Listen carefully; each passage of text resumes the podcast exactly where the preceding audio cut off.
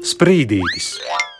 Vienam tēvam bija dēls, ne lielāks, ne mazāks par trim sprīžiem. Viņš iesauca dēlu par sprīdīti. Pats sprīdīts nu gan bija gatavojis pundurītis, krupītis, tomēr dūša viņam bija kā milzim. Viņš pats teica: Ja man tādam mērenam vīrelim duša neturēsies, kur tad aiztikšu? Reiz sprīdīts apņems pasauli apskatīties, viņš ņem kājas par pleciem un iet un iet, kamēr nonāk lielā, lielā mežā. Sprīdītis domā. Tā, tā te brangi, mm, nolikšos plakaniski atdusēties, atpūsties. Kā domājis, tā darīja.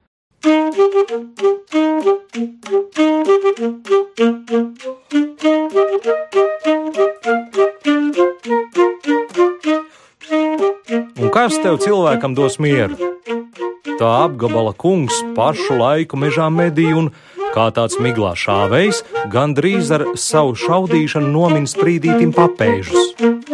Uzreiz kungs pamana mazo un uzsauc: Vadzi vardulēn, celies augšā! Ko tavs ceļa guli, zaķi tevi nobadīs! Bet sprīdītis nemaz nenomostas, krāts kā krācis. Nu, kungs sasauc savus medniekus un liek visiem vienā reizē izšaut, lai maziņo sabaidītu, bet sprīdītis pakustina mazo pirkstuņu un guļ kā gulējs. Kungs liek otro reizi izšaut. Sprīdītis pakustina kāju un guļ kā gulējs. Kungs liek trešo reizi izšaut. Sprīdītis dusmīgs uzlec stāvus un uzsauc. Kādēļ mani traucējat, kad likšu paļepata aiziesiet visi griezdamies? Kungs tādu dušīgu pundurīti pirmo reizi redzēdams smējas līgs palikdams.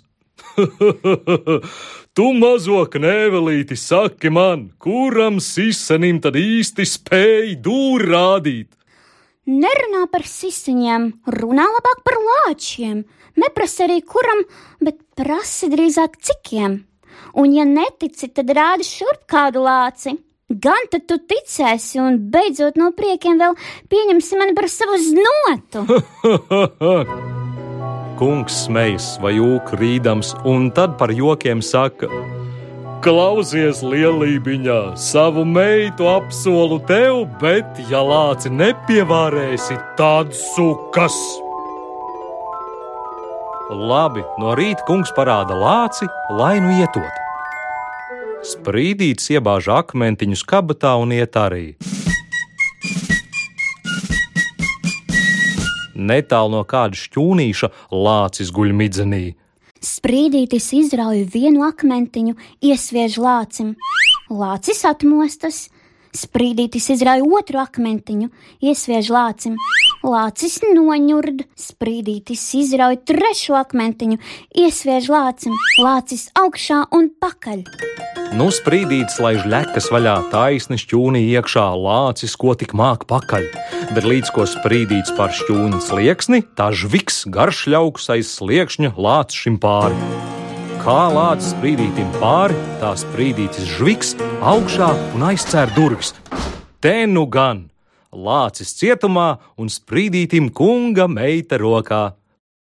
Kungs rausta plecus un prasa: Hmm, kā tu varēji lāci pievārēt?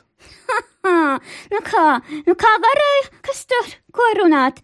Nē, es situ nekāvu, paņēmu lāci aiz ausīm un iesviedu šķūnītī.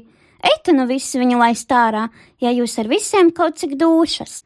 Kungs izbrīnās gan, tomēr meitas nedod, lai sprīdīts tur mežā nokaujot 12 laupītājus, tā tik dabūšot.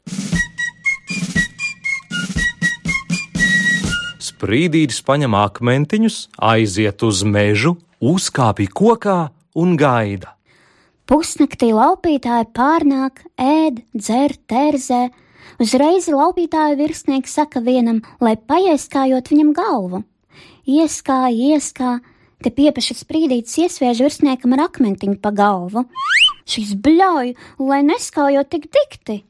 Nu, ieskā, ieskā, bet sprīdīts atkal iesviež. Šīs paliek nikns un bļauj. Ja vēl tā kausi, tad sargies!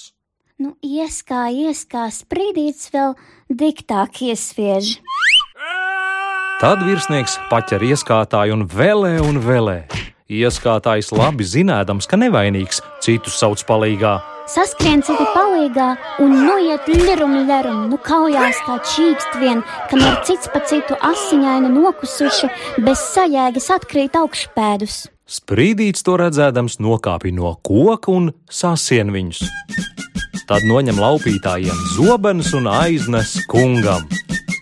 Kungs rausta plecus un prasa: Hmm, kā tu varēji 12 tik briesmīgus vīrus pievārēt? Eh, kā varēju? Nu, Kas tur ko jautāt? Liku vienam paļepo, tas gar zemi, liku otram, tas gar zemi, liku trešajam, tas tāpat gar zemi. Kungs izbrīnās gan, tomēr meitas nedod, lai sprīdīts palīdzot ienaidnieku no viņa zemes izdzīt. Tad tik dabūšot. Sprīdītis ir ar mieru, lai dodot viņam baltu zirgu, baltas drēbes, tad viens pats ienaidnieku aizdzīšot. Labi. Sprīdīts nu uzkāpj zirgam mugurā, jā, ienaidniekam pretim vicina zobenu ap galvu un tik sauc. Varde, varde, varde! Ienaidnieki sadzirdējuši tādu ērmīgu valodu un ieraudzījuši tādu baltu mazu vīriņu zobenu vicinādami domā. Tas cits nav kā eņģelītis no debesīm nonācis. Tie bēg un aizbēg. Tagad kungs vairs nelauž vārdu. Viņš atdod savu meitu sprīdītim par sievu.